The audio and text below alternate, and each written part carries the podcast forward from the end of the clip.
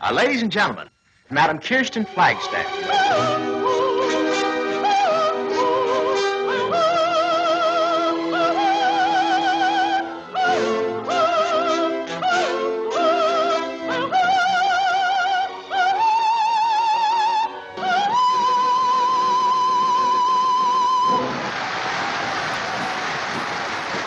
Kirsten Fragstad har gjort stor suksess i USA ved Metropolitan-operaen. Og her i barndomshjemmet hennes, strandstuen i Hamar, så er det mange gjenstander fra denne tida. Bl.a. et ganske stort sølvhjerte som fyller hele hånda her.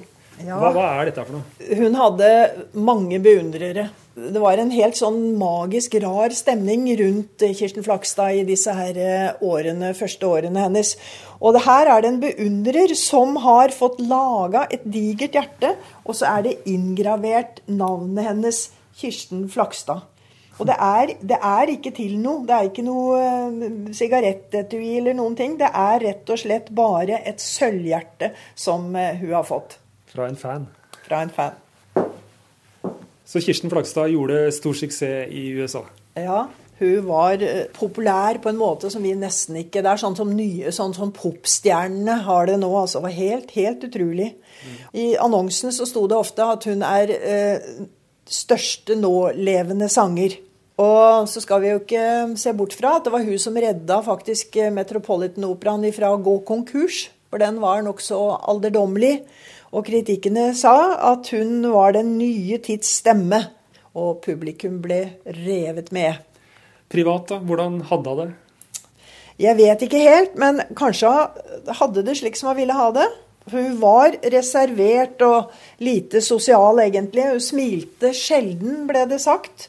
Og kunne nok virke både brysk og, og nokså kantete utenfor scenen. Men på scenen så var hun en annen, en annen person. Kollegene opplevde henne som veldig hyggelig og hjelpsom. Og det var gjerne i sånn scenesammenheng eh, at hun hadde det best. Og hun likte absolutt å være alene. Hun satt i garderoben sin og der enten strikka, eller så la noen innviklede kaballer som omtrent aldri gikk opp. Det sies at det er ikke mange som kunne så mange forskjellige kaballer som, eh, som Kirsten Flakstad. Og så ble det ikke tatt så bra opp dette her at hun sa nei til eh, sosietetsliv. Hun skulle liksom være med på å representere og, og være et eh, ansikt utad, men det, men det ville hun ikke. Hun ga alt på scenen, og så ville hun være i fred og drikke champagne etter forestillingene. Ingen fikk lov å besøke henne. Det fikk hun vel betale dyrt for. Det ble vel for langt at det skulle være tilgjengelig for presse og Ja. Hun var jo stjerne. Og det verste som skjedde vel egentlig, det var at eh, Norges ambassadør eh, i USA den gangen, han het eh, Wilhelm von Mynte av Morgenstjerne. Og han hadde sendt inn en enorm rosebukett inn i eh, garderoben hennes. Når eh, beundrerne gjør det, så forventer de vel kanskje at de skal liksom bli tatt imot etterpå og skal få treffe stjernen osv. Men hun gjorde ikke det. Hun bare sendte den ut igjen og var, eller ga beskjed om at hun tok ikke imot, og hun var forkjøla og ville ikke ha noe besøk. Hvordan reagerte ambassadøren da? Det, det likte ikke ambassadøren noe særlig.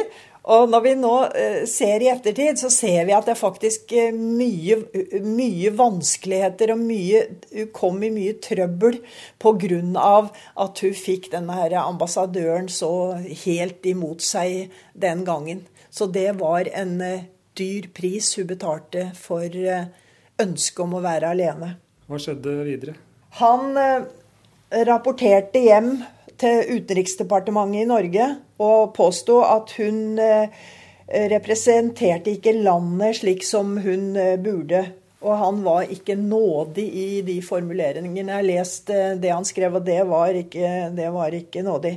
Så det ble nærmest et sånt gjensidig hatforhold.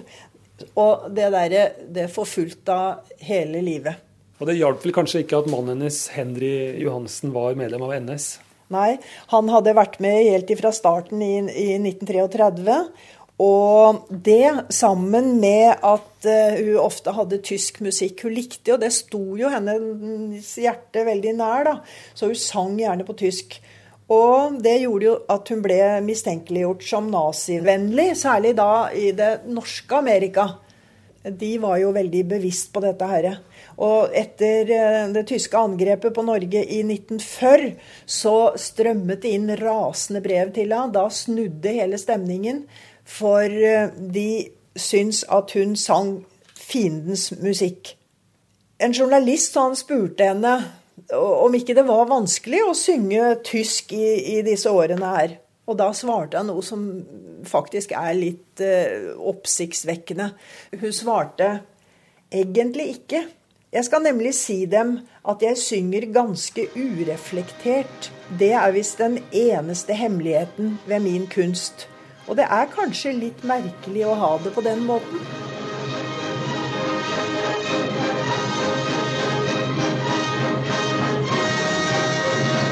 Til tross for det så samler eh, Kirsten Flagstad fulle hus i Amerika, i USA. Ja, du, ikke bare fulle hus, men fulle parker. I Grant Park i Chicago så skriver avisene at det var omtrent 200 000 som møtte fram for å høre en Wagner-konsert. 200 000. Da er du stjerne. Da er du stjerne. Og stemmen hennes, eh, står det, eh, fløt over eh, både det ti manns orkesteret og et fly som forvillet seg inn over parken. Hun hadde sånn kraft i i stemmen. Men til tross for denne enorme suksessen i USA og krigen i Norge, så ville hun hjem? Ja. Eh, Henry, ektemannen, han telegraferte. Først så skrev han 'bli hvor du er, bli hvor du er'. Men så eh, ombestemte han seg etter en stund. Og, og da ville han at da skulle komme hjem. Og det avgjorde saken for Kirsten. Hun var veldig sliten på den tida. Overarbeida og hadde hjertetrøbbel og vanskeligheter med å sove. Så hun ville hjem igjen. Hun ville til Henry. Og hun hadde også på følelsen at han ikke var helt eh, frisk. Så hun satte himmel og jord i bevegelse for å skaffe seg sånn transittvisum og alle slags papirer som skulle til da, for at hun skulle komme seg opp gjennom eh, Europa og, og hjem. Det var mange som prøvde å overtale til ikke å dra? Ja, det falt ikke i så god jord, det der at du skulle reise til eh, Norge, eh, et okkupert land, når eh, andre rømte den andre veien for å, for å arbeide mot nazismen utenifra. Men hun skjønte nok ikke det. Hun skjønte ikke konsekvensene av eh, hva dette her var. Hun mente rett og slett at hun hadde ikke noe ansvar for å være noen slags eh, ledestjerne i motstandskampen. Hun var kunstner, og hun var privatperson. Og det var hennes plikt, mente hun, å være der mannen hennes var når han eh, ønsket at hun skulle komme hjem. Så i april i 41 eh, så lettet det et lite sjøfly fra LaGuardia-flyplassen og det hadde kurs for Europa. Var det flyskrekk? Hun hadde flyskrekk. Fryktelig. Hun hadde ikke flydd noe særlig i det hele tatt. Så hun satt og strikka så hun fikk vondt i armene helt fram til mellomlandingen i Portugal. Men det er krig i Europa. Hun er alene. Og så har hun bare seg sjøl å stole på. Og så viste det seg at reisesjekkene hennes eh, var ikke gyldige, så hun hadde ikke penger. Men eh, etter hvert så klarte hun å komme seg til et hotell. Og da hun kom dit, så satt det tre nordmenn i lobbyen. Og det ble jeg selvfølgelig veldig glad for, å treffe landsmenn. Så viste det seg at det var flyktninger fra Norge. Og den ene, han var oberst i eh, den norske hær. Og da, i den samtalen som de hadde, da skjønte Kirsten at eh, her var det noe som var veldig galt. Eh, Norge var i krig med Tyskland, og Henry eh, Johansen var på tyskernes side. Det tror jeg gikk opp for henne akkurat i dette her møtet der. Men hun dro til Norge? Ja, noen dager senere, det, var jo, det gikk jo smått, så kom hun til Berlin. Og da var alt kaos, både inni og ute og rundt henne, på alle kanter. Og flyalarmen gikk i ett sett. Så det var altså allierte bombefly som nærma seg Berlin. Og hun måtte ned i kjelleren sammen med tyskerne. og og satt der nede og var selvfølgelig livredd og utslitt og alene. Og hun var også redd for at hun ikke skulle klare å komme seg videre. Men etter hvert så fikk hun alle papirene i orden og kom seg via Sverige til Oslo. Og der venta Henry på Østbanen. Og da hadde de ikke sett hverandre på ett og et halvt år.